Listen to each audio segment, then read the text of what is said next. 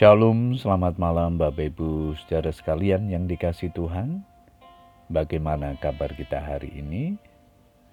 Doa saya tentunya kita semua sehat dalam perlindungan dan berkat Tuhan. Malam hari ini kembali kita akan datang kepada Tuhan sebelum kita akan beristirahat.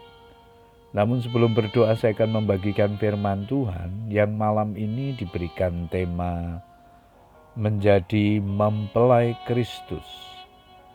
Ayat mas kita di dalam 2 Korintus 11 ayat yang kedua, firman Tuhan berkata demikian, Sebab aku cemburu kepada kamu dengan cemburu ilahi, karena aku telah mempertunangkan kamu kepada satu laki-laki untuk membawa kamu sebagai perawan suci kepada Kristus.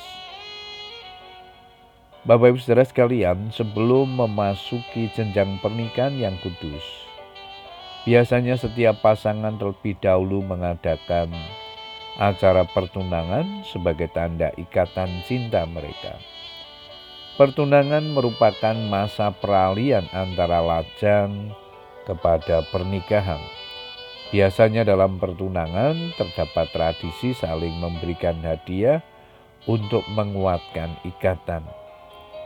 Dalam menjalani masa-masa pertunangan ini, pasangan pria wanita harus bisa menjaga cintanya dan menjaga kesucian hidupnya sampai hari pernikahan tiba. Keberadaan kita sebagai orang percaya atau jemaat Tuhan adalah sebagai mempelai Kristus Sebagaimana ditegaskan oleh Rasul Paulus, setiap orang percaya telah dipertunangkan dengan Kristus. Orang percaya atau gereja digambarkan sebagai mempelai wanita yang akan bertemu dengan mempelai laki-laki di pesta pernikahan anak domba.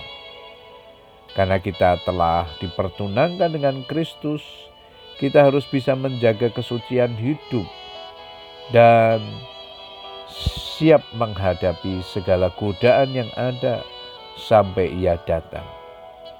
Kita tidak boleh mendua hati atau bercapang hati. Jangan sampai di masa-masa penantian ini kita justru terpikat oleh iming-iming dunia, terperdaya dengan kenikmatan dunia yang hanya sesaat, atau disesatkan oleh ajaran-ajaran yang menyimpang dari Injil yang membuat kita semakin jauh dari Tuhan.